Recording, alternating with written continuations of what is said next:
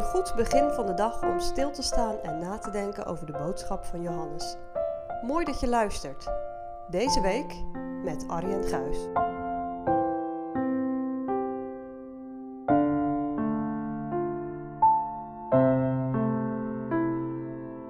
De inleiding van 18 versen op het Johannesevangelie in de vorige vier afleveringen wil ik vandaag met je nadenken over de vraag waarom Johannes dit evangelie geschreven heeft. Hij schrijft daarover het volgende in Johannes 20, vers 30 en 31. Jezus dan heeft nog wel veel andere tekenen in de tegenwoordigheid van zijn discipelen gedaan, die niet zijn geschreven in dit boek.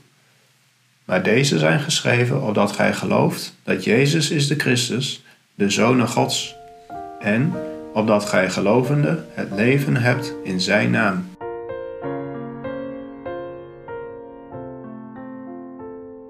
In onze Bijbel kennen we vier evangeliebeschrijvingen: Matthäus, Marcus, Lucas en Johannes. De eerste drie lijken veel op elkaar. Ze beschrijven dezelfde gebeurtenissen en wonderen. Ze worden daarom met een moeilijk woord synoptische evangeliën genoemd. Jaren later heeft Johannes het vierde evangelie geschreven. Waarom was dat nog nodig? Johannes kiest een heel bewust een andere invalshoek. Hij heeft een heel concreet doel voor ogen. De kernboodschap, die lazen we al eerder in vers 14. Het woord is vlees geworden. Het woord heeft onder ons gewoond. Wij hebben de heerlijkheid van het woord aanschouwd. Dat was de heerlijkheid van Gods Zoon. Een heerlijkheid vol van genade en waarheid. Die heerlijkheid en waarheid van Jezus. Daarover lees je in het hele Evangelie. We lazen nu in vers 31 twee keer op dat. Dus dat geeft het doel aan. De heerlijkheid van Jezus als Zoon Gods heeft Johannes met de andere discipelen gezien en aanschouwd.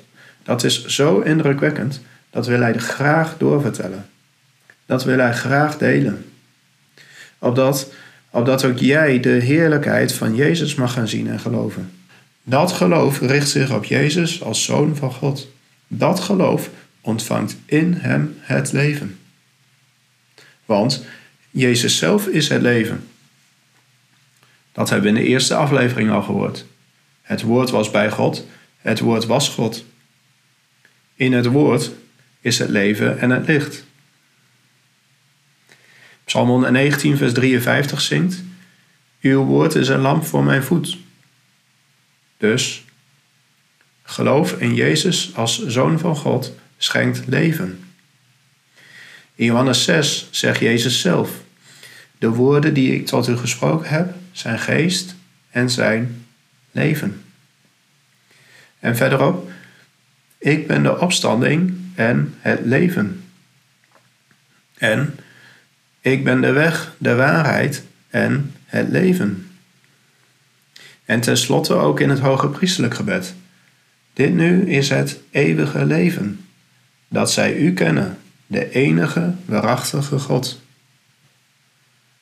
Leven, het leven.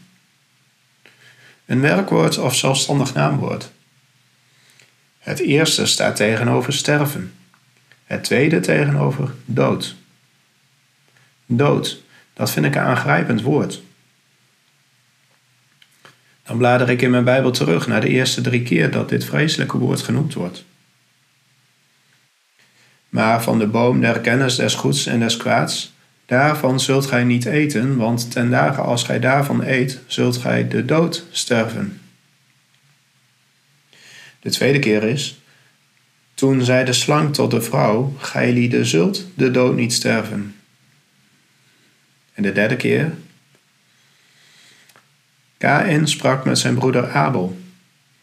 En het geschiedde als zij in het veld waren dat Kain tegen zijn broeder Abel opstond en sloeg hem dood.